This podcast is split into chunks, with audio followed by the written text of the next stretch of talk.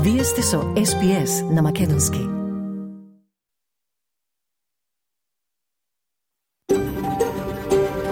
SBS, a world of difference.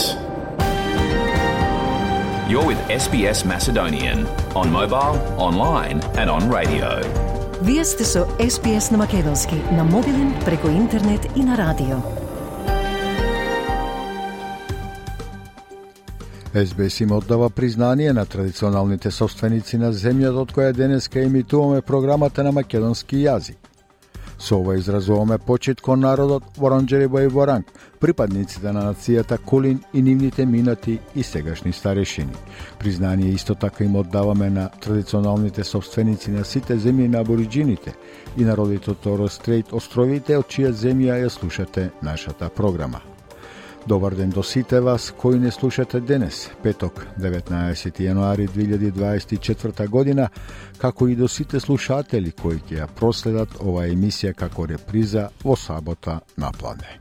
Денес со вас ќе биде Васе Коцев. И денешната програма почитувани ја започнуваме со вестите од Австралија и светот, а секако во програмата е вклучен и редовниот извештај со најновите настани од Македонија. Во денешната програма ви донесуваме и прилог од серијата Агенти за промена и средба со Ива Штркалјевич, физиотерапевт и истражувач кој ги охрабрува и другите здравствени работници да им возвратат на нивните заедници. Денес ќе го слушнете и разговорот со македонскиот вице-конзул во Мелбурн, Али Алиевски, за актуелната промена на личните документи на македонските државјани – кој завршува на 12 февруари. Денес е христијанскиот празник Водици или Богојавление, ден кога е крстен Исус Христос од Свети Јован во реката Јордан. Со овој празник се поврзани многу обичаи, а еден од нив е и положувањето на крстот во вода. Останете со нас, за ова ќе слушнете подосна во програмата, а сега продолжуваме со најновите вести.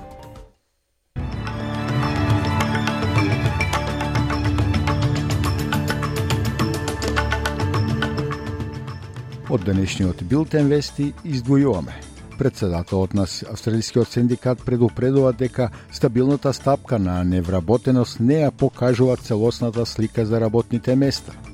Загриженост за поширок регионален конфликт, додека Пакистан и Иран се впуштаат во прекогранични напади – Македонските пасоши со старото уставно име ќе важат до 12 февруари. И од спортот Медведев го победи финицот Емил Русовори во меч заврши во раните утрински часови во петок наутро. Слушајте не.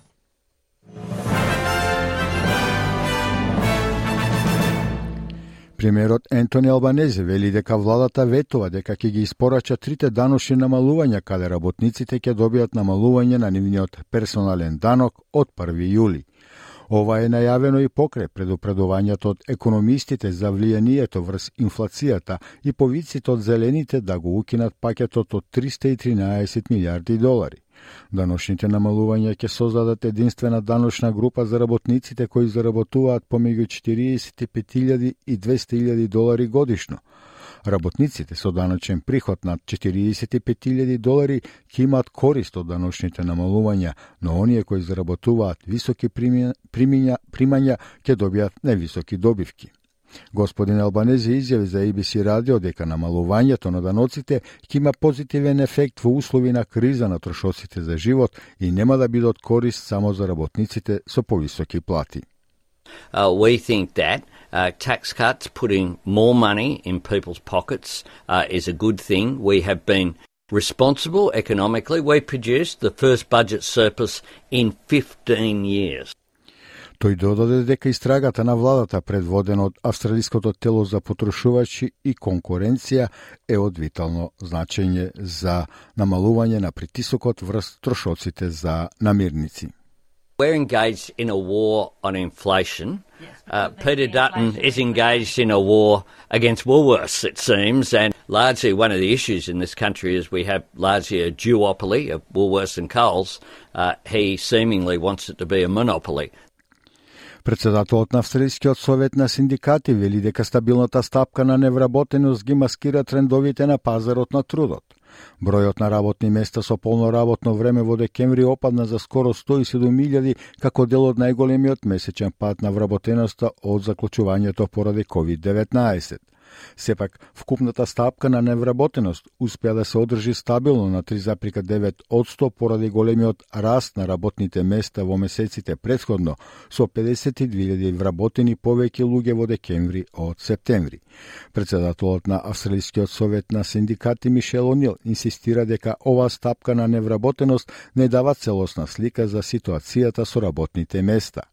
Податоците исто така открија дека 80.000 жени се помалку вработени со полно работно време отколку во ноември и 42.000 вработени со скратено работно време, додека вкупната стапка на невработеност се зголеми на 8%. Господ Јонил вели дека кризата со трошоците за живот значи дека има итна потреба да се реши порастот на повремената работа, со што ќе се осигури дека работодавачите им обезбедуваат на работниците фер избор во однос на договорите за вработување. Иницијативата на македонскиот председател Стево Пендаровски, македонските пасоши да важат и по 12 февруари, за министерот за внатрешни работи Оливер Спасовски е предизборна кампања. Тој тоа го изјави за телевизијата 21 и додаде. Сега е време на избори и секој цени дека треба да даде соодветни изјави, јас не би навлегувал во никакви конфронтации. Прво да кажам дека роковите не се утврдуваат на влада. Роковите се утврдуваат со закон. Самиот факт што го изнеси председателот дека имаме односно има потреба да се промени законот за лични карти за да се продолжи рокот, апсолутно не е така бидејќи законот не бил воопшто никогаш сменет за да може да се да се продолжува рокот. Ова изјава на Спасовски медиумите во Македонија толкуваат како прво директно несогласување меѓу него и актуелниот председател Стево Пендаровски, кои се сметаат за најсериозни кандидати на СДСМ за председателските избори.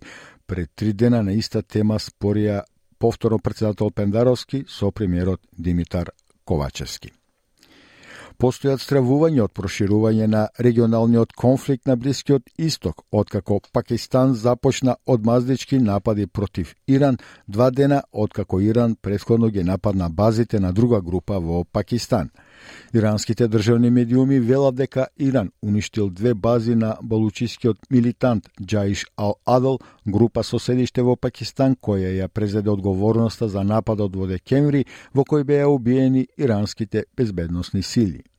Пакистанската влада вели дека нападите врз сепаратистичките милитанти во Иран во четвртокот биле одговор на овој напад.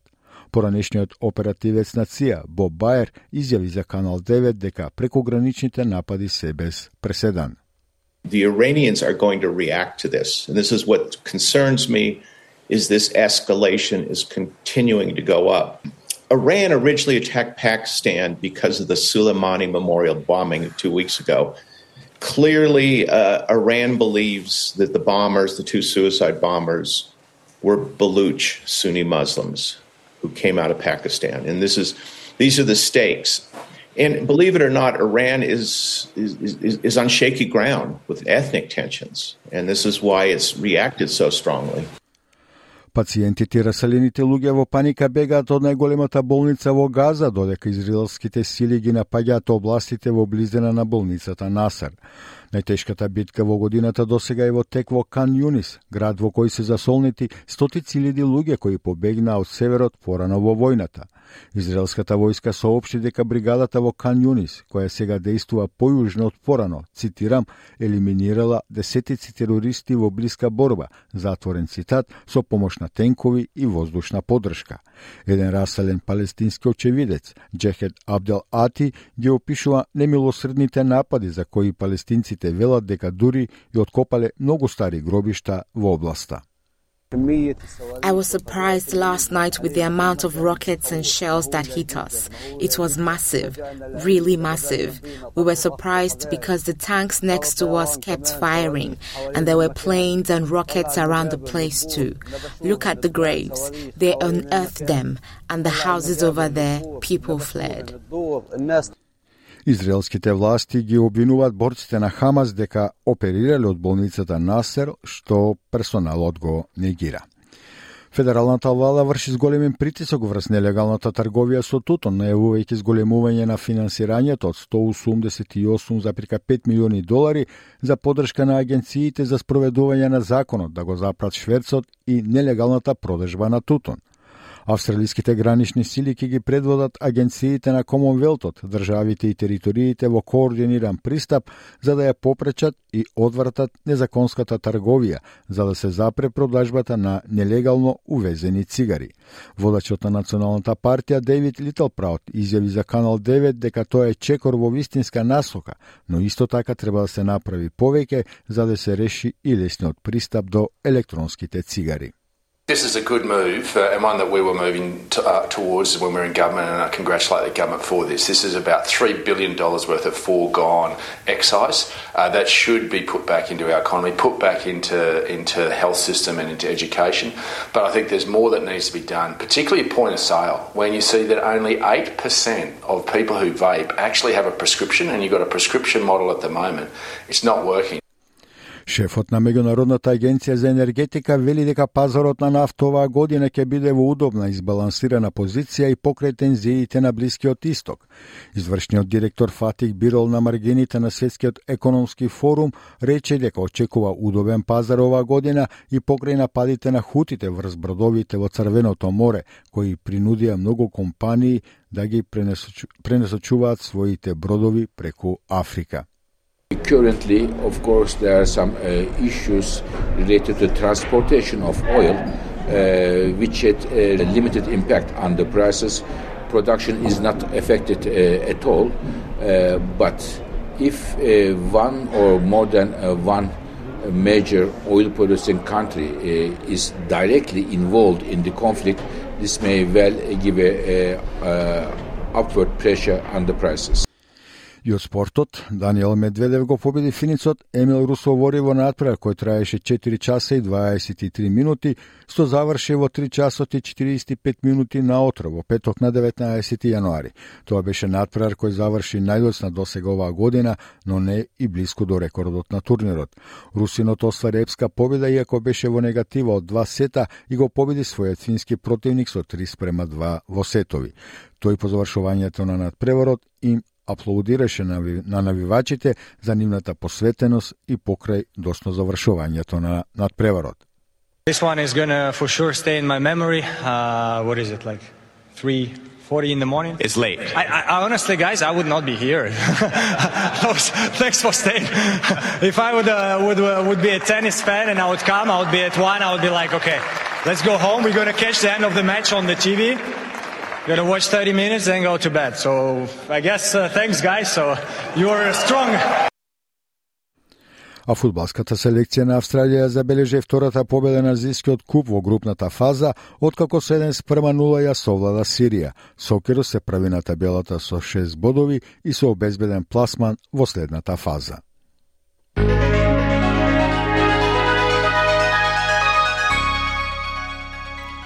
Од најновата курсна листа денеска еден австралиски долар се менува за 0,60 евра, 0,65 американски долари и 36,84 македонски денари, додека еден американски долар се менува за 56,20 македонски денари, а 1 евро за 61,9 македонски денари. Временската прогноза за поголемите градови за сабота 20 јануари – Перт сончево со температура до 33 степени, Аделајд сончево до 35, Мелбурн деломно облачно до 28, Хобарт можни врнежи до 22, Камера делумно облачно до 28 степени, слично време и за Сиднеј, делумно облачно до 28, Бризбен кратки повремени врнежи до 30 степени, Дарвин повремени врнежи можни и бура до 32 степени и во Алекс Спрингс ќе биде претежно сончево со температура до 38 степени. you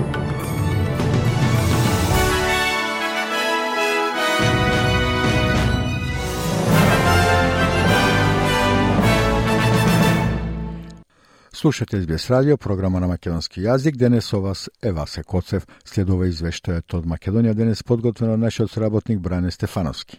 Известува за тоа дека денеска македонските православни верници го слават празникот Богојавление Водеци. А македонските пасоши со старото уставно име ќе важат до 12 февруари. Даниела Арсоска, градоначалничката на Скопје, го презеде лидерското место на нова алтернатива и тврди дека нема да коалицира со СДСМ. Македонската навигација доби нови директори. Пообширно во извештајот.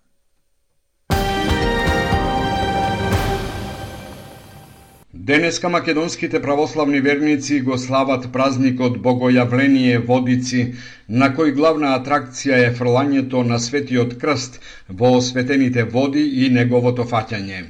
Централната манифестација ќе се одржи во Охрид. Градоначалникот Кирил Пецаков за ТВ Сител изјави дека градот е подготвен за големата манифестација. Традиционално ова е најголем празник за нас охријани водеци. Се прославува на, на едно највисоко ниво. Започнува денот со посетување на црквите, односно на литургиите, утринските литургии кои што се случуваат пред самите пред самото осветување на водите со положувањето на светиот крст во водите на Охридското езеро, кое што откако ќе заврши како церемонија да ја кажеме на градскиот плоштад имаме традиционално веќе трета година поред забава На прашањето колку мина се пријавени да скокнат по крстот во водите на Охридското езеро, Пецаков одговори. Никогаш не биле по илјада, така да повторно би рекле дека илјадниците верници кои што ќе скокаат по, по, по честниот крст, се, му посакувам среќа успех, па утре ќе видиме кој ќе биде и најуспешниот, односно најсрекниот. Бидејќи денешниот е неработен ден и ќе се поврзе со викендот, во Охрид се очекува масовна посета на домашни туристи.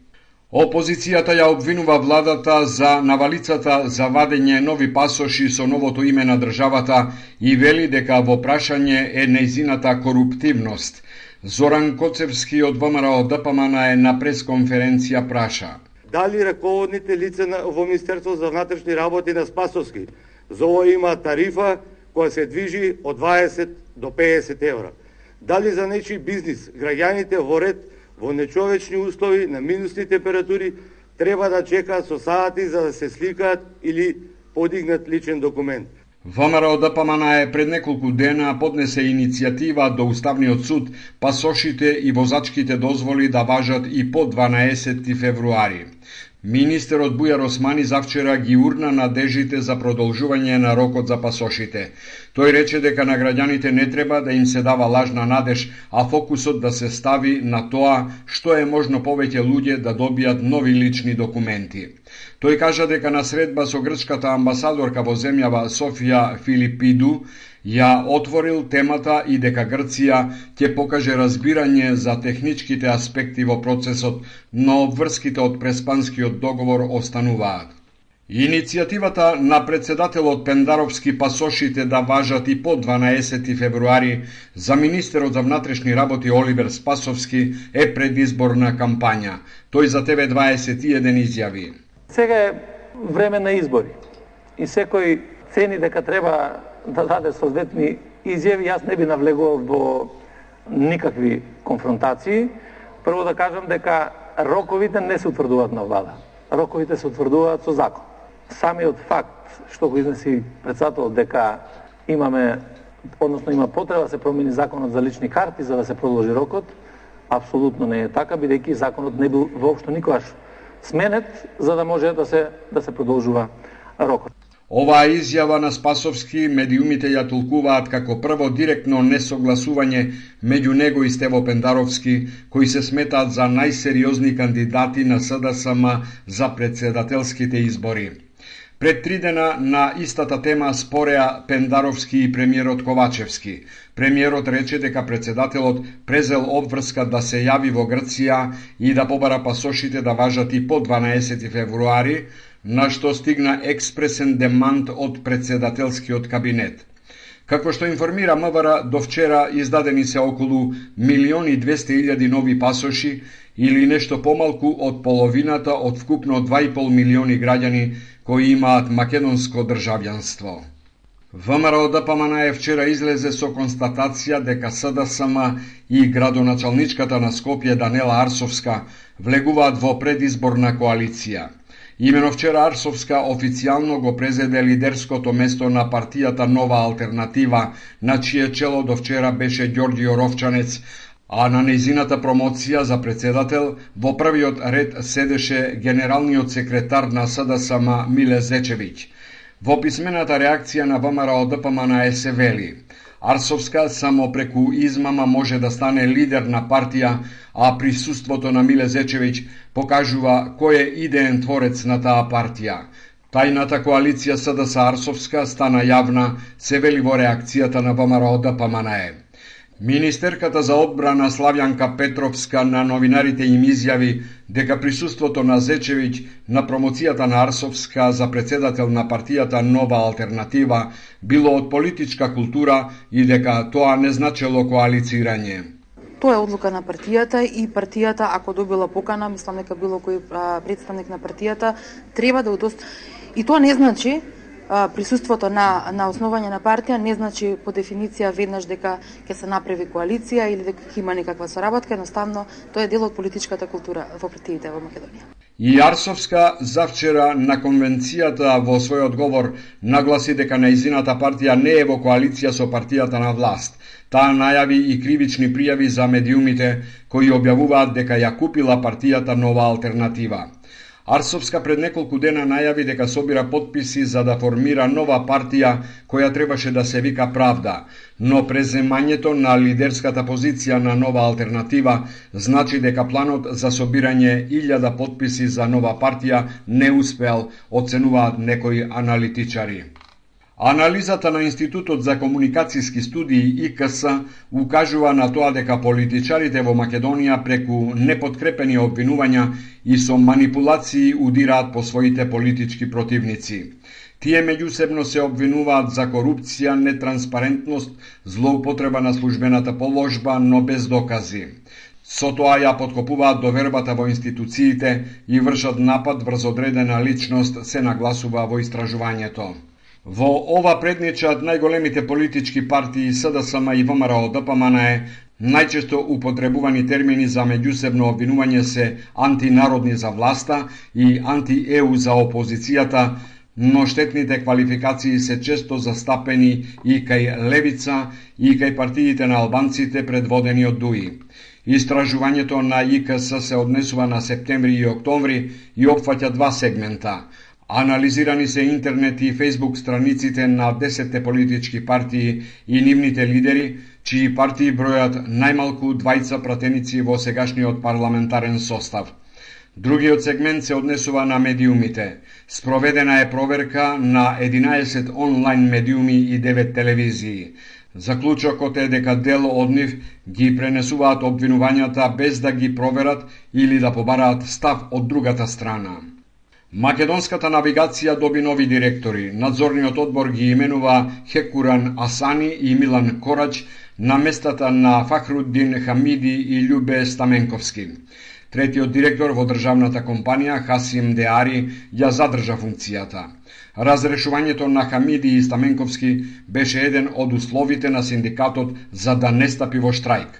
Одлуката за смена на раководството доаѓа по насоките на владата по инцидентот од 4 јануари, кога група насилници влезе во зградата на контролата на летањето и физички се пресмета со дел од вработените.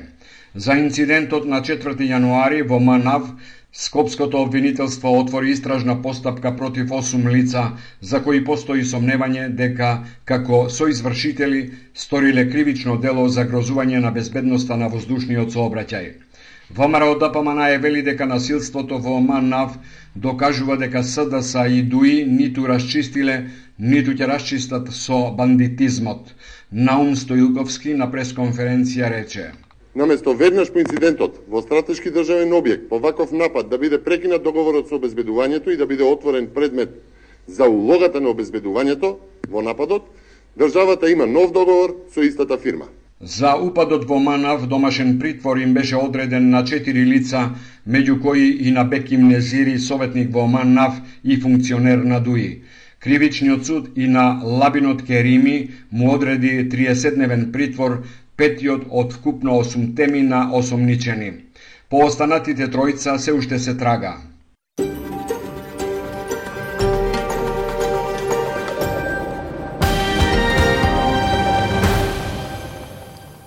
Програмата на македонски јазик на СБС радио ја продолжуваме со домашни австралијски теми. Често слушаме за луѓе со високи достигнувања во општеството, но има и други во нашата заедница кои преземаат мали чекори за да ги променат животите на оние околу нив. Во оваа епизода на серијата Агенти за промена се среќаваме со Ива Штрклевиќ, физиотерапевт и истражувач – кој ги охрабрува другите здравствени работници да им возвратат на нивните заедници. Прилогот на SBS News од Пеги Джакомелос на македонски го подготви колешката Радица Бојковска Димитровска. Одење, танцување, градинарство, кревање тегови или едноставно играње со деца или домашни миленичиња – За оние од нас кои се доволно среќни да имаат добро здравје, има радост да го цениме токму она за што нашите тела се способни. Do some kind of, of exercise because that helps. You know, you can't have a fall, but if your body is strong, you won't break a bone. За Вики, која сега е во 70-тите години, одењето и танцувањето во групата за зумба, за која вели дека е мултикултурна, е суштински дел од нејзиниот живот. When I come to the Zumba class, which I thoroughly enjoy, is very great, and the, the class has grown because people have a, a good energy. And the class has been growing, but with the aging population, it's very good. This group It's multicultural. Така е и доброволната работа што ја прави со непрофитната група Share, која што обезбедува физички активности по прифатлива цена за возрастни лица над 50 години. Адриан Пракаш, извршен директор на организацијата, вели дека Вики имала многу проблеми кога дошла во групата, особено по загубата на незиниот сопруг со кого била во брак 50 години – но групата Шее ја извлекла од таа криза и сега Вики служи како инспирација и е една од најдобрите доброволци, вели тој. She had a lot of problems when she came to Shea a few years ago. She lost her husband for 50 years. Uh, Shea navigated her out of the storm. We kept her connected with people. And now Vicky is absolutely inspiring and one of my best volunteers. She goes every Friday working buddies and she's always participating into other events. So God bless her. Walking Buddies е група која се состанува еднаш неделно за прошетка и кафе, а Вики доброволно го дава своето време за да помогне групата да функционира. И волонтирањето е голем дел од животот на Има Штрклевич. Таа пристигнала во Австралија од Босна по војната, што ја опустоши малата балканска земја во 1990-тите. Извесно време работела со Старц, службата за третман и рехабилитација на преживеани од тортура и траума, помагајќи им на босанските бегалци да заздрават од нивните искуства од војната. Таа сега е физиотерапевт, како и кандидат за доктор на науки на Институтот за мускулно-скелетно здравје на Универзитетот во Сиднај. Надвор од работата, таа волонтира со групата ШЕ, презентирајќи информативни сесии за различните придобивки од физичката активност.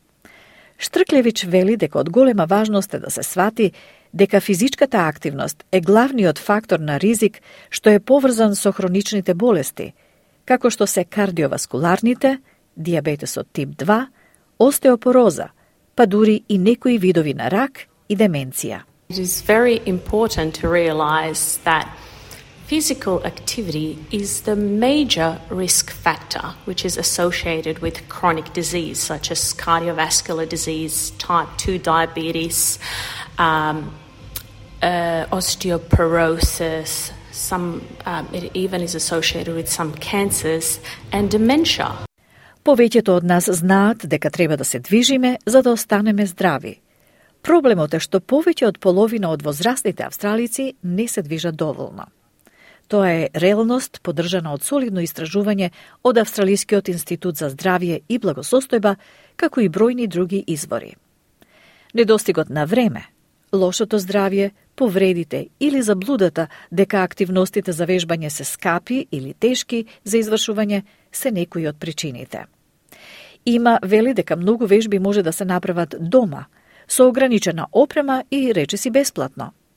Таа вели дека само 50% од луѓето се доволно физички активни, но дека само 10% ја задоволуваат компонентата за зајакнување на мускулите. Па така е создадена брошурата Безбедно вежбање дома и интернет страницата што им дава совети и вежби на луѓето што можат да ги практикуваат безбедно во нивниот дом. Only 50% who are sufficiently physically active, but only 10% satisfy the muscle strengthening component. So developing the safe exercise at home booklet and a website page is important because it gives people advice and exercises to complete at home safely independently at their own time, uh, where they can satisfy and tick off the other muscle strengthening um, component. Брошурата и интернет страницата Safe Exercise at Home, за кој зборува има, е национална алатка, развиена од австралиски лекари и академици. Таа е поделена на различни нивоа. Вежбите на ниво 1, например, вклучуваат активности како што се станување и седнување на столчето 10 пати, или стоење до лавабото во кујната и марширање на самото место една минута и многу други едноставни движења. Вежбите се дизајнирани за луѓето во поодминати години да ги прават дома. Има додава дека брошурата и веб страницата Safe Exercise at Home се бесплатни и дека секој може да ги користи. There is an important resource created by Australian health experts in physiotherapy, both clinical and uh, academia, who have developed instructions and guidelines for older Australians on how to remain active and exercise safely at home. Because we know now the World Health Organization requires older people to remain active at least 30 minutes a day in moderate physical activity. But also, it requires older people to engage in muscle strengthening activities at least a couple of times a week, which is a problematic component.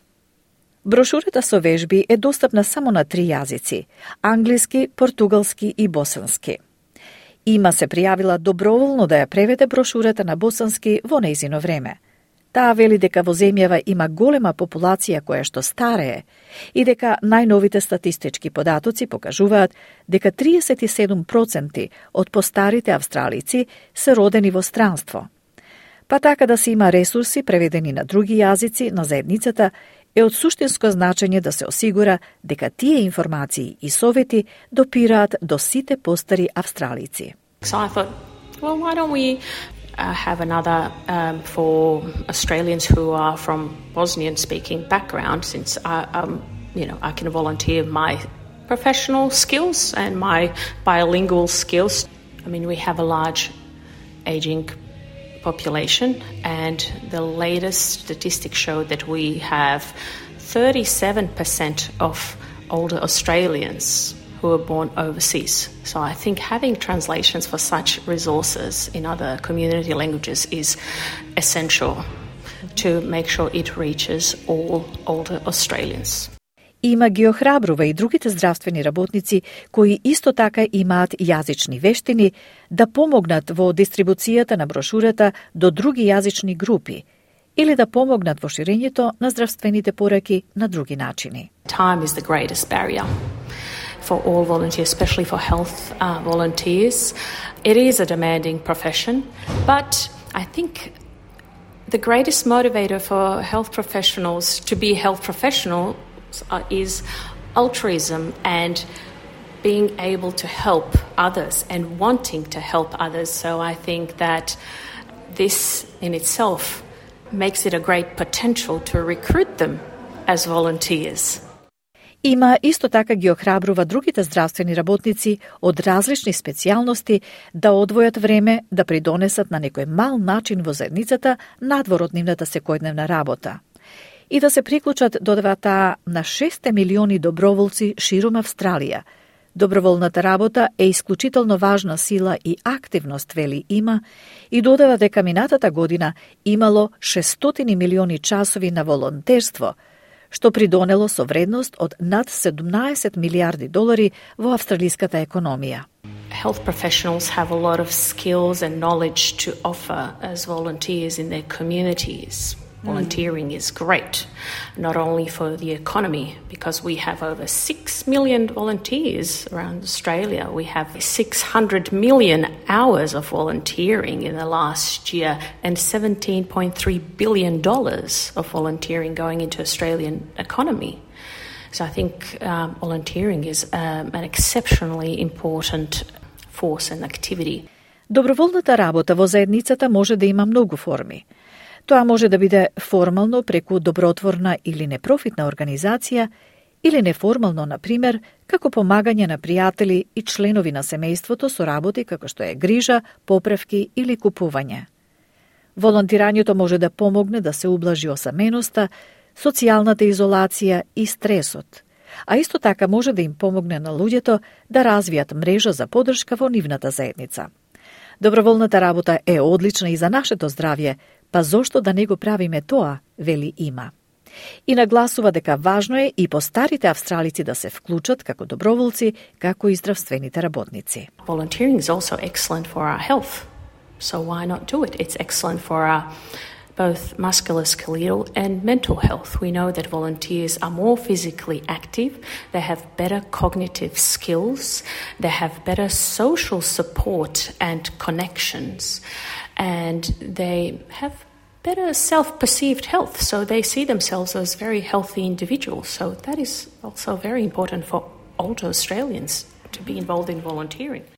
Според Светската здравствена организација, постарите луѓе треба да бидат активни најмалку 30 минути на ден со умерена физичка активност и треба да се вклучат во активности за зајакнување на мускулите, барем неколку пати неделно.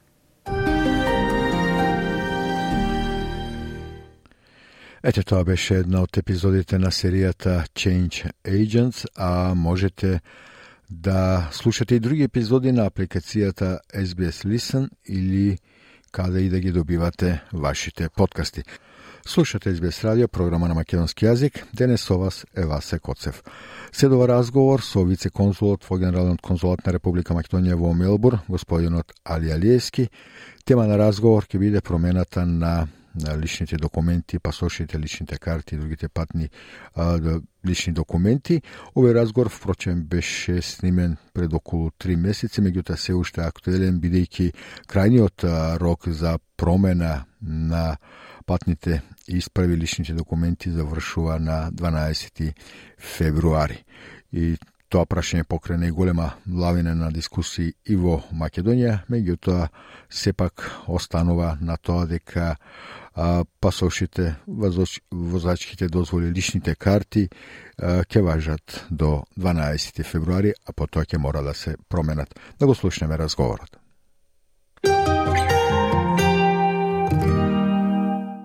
Господин Алиевски, добре дојдовте на програмата на СБС радио, програма на македонски јазик. Па За почеток од разговорот, како дојде до тоа да сега македонските државјани ја треба да ги менуват патните исправи?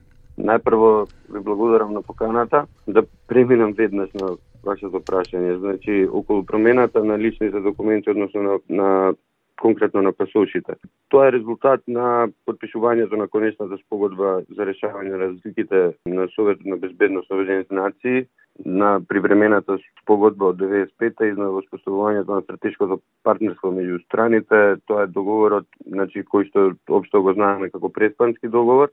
Значи, договорот стапи на сила на 12 тори 2019 година и во тој договор нашата држава се обврза дека во рок од 5 години од влегувањето во сила на таа спогодба ќе ги усогласи официјалните документи со одредбите пропишани во таа спогодба. Така што како резултат на таа обврска која што ние имаме превземено дека ќе согласиме сите наши официјални документи во рок од 5 години, затоа тие тој рок истекува на 12.2.2024 и поради тоа потребно е да овие овие наши документи бидат променети. Да, спомнавте дека крајниот рок е 12 февруари 2024 година. Сега, што ќе се случи доколку некој не ги промени овие патни исправи, официјални документи до тој датум.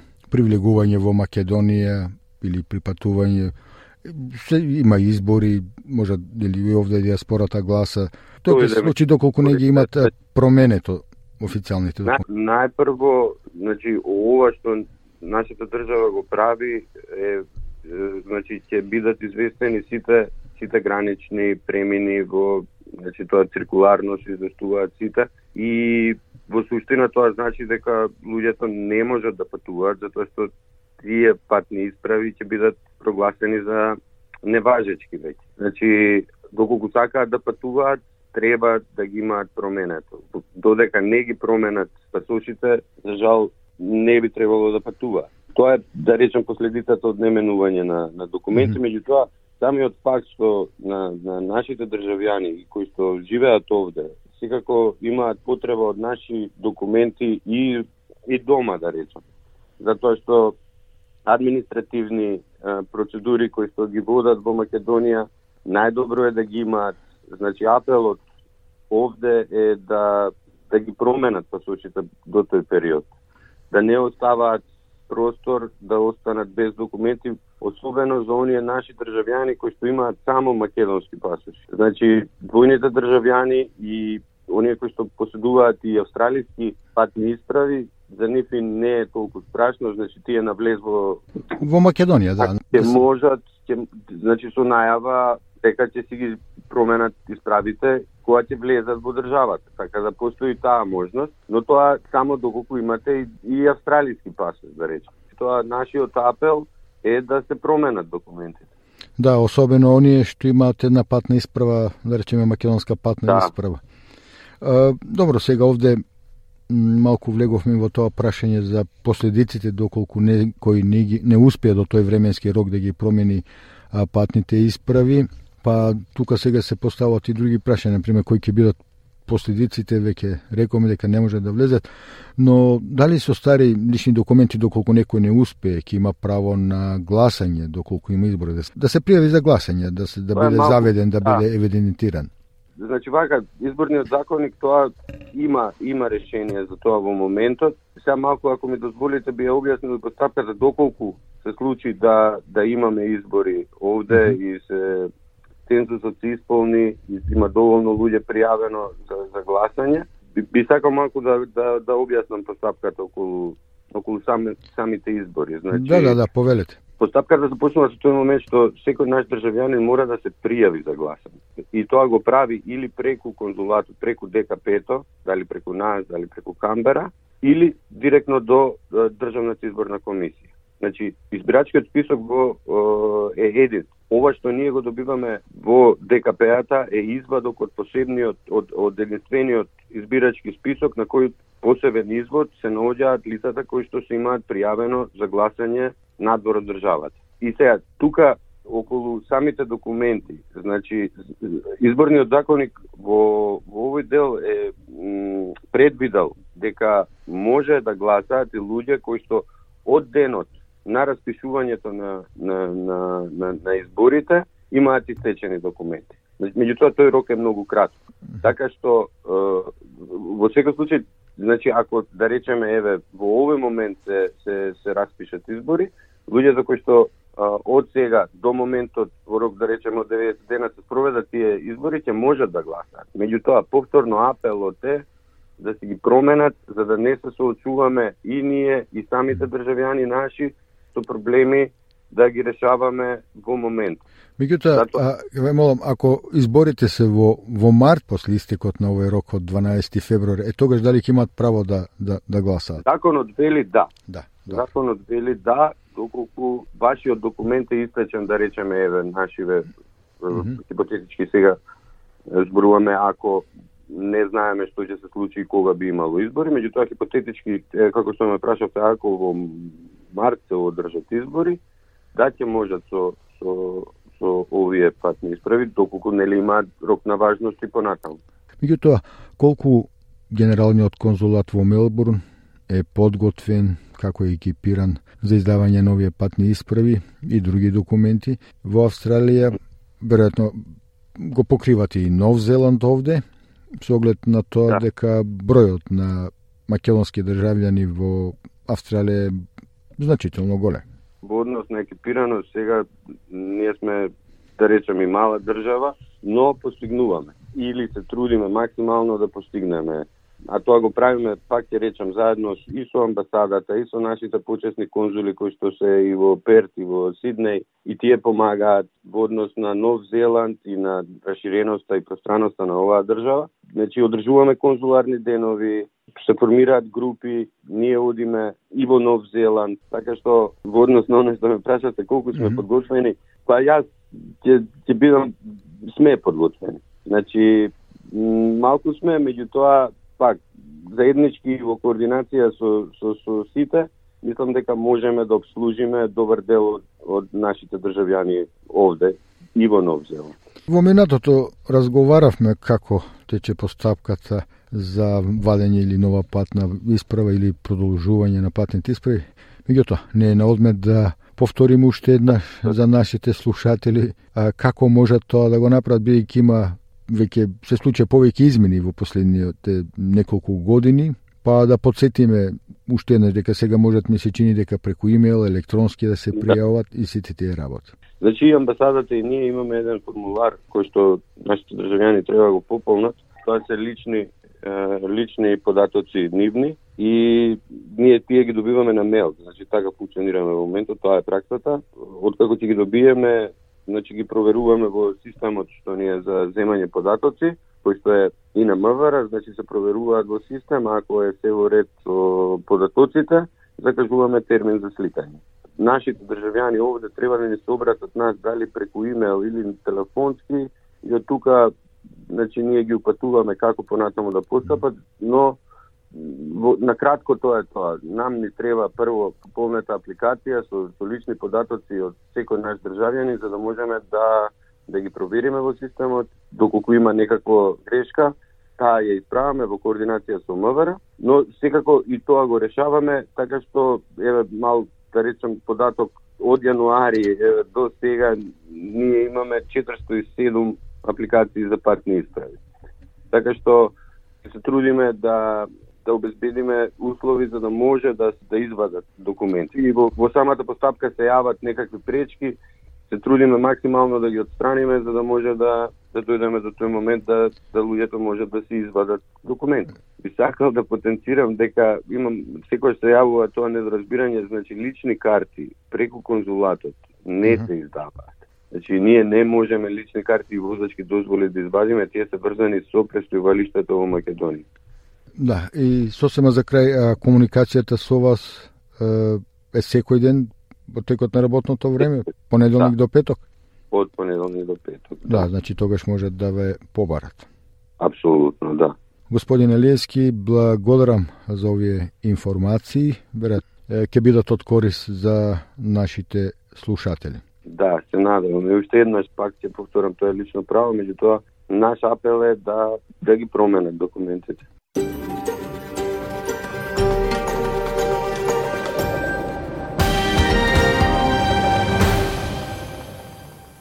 Ете, почитувани, со разговорот со вице-конзулот во Генералниот конзулат на Република Македонија, Али Алиевски за промената на патните исправи, стигнавме до крајот на денешната програма. Пред да се одјавиме едно сообштение, социјалното друштво Свети Танас од село Штрбово Сине во чест на верскиот празник Свети Атанас организира пикник на 28 јануари во Чипинг Норд Парк со почеток во 10 часот наутро. Организаторите апелираат дека сите заинтересирани треба да им се јават најдосно до 21 јануари ова недела со цел што подобро да го организираат настанот. И со ова почитувани ги црпавме денешните содржини. Денес со вас беше Васе Коцев и благодарам за вниманието. Имајте пријатно попладне, пријатен викенд и бидете повторно со програмата на македонски јазик на СБС радио во понеделник точно напладне. Сакате ли да чуете повеќе прилози како овој? Слушате подкаст преку Apple Podcasts, Google Podcasts, Spotify или од каде и да ги добивате вашите подкасти.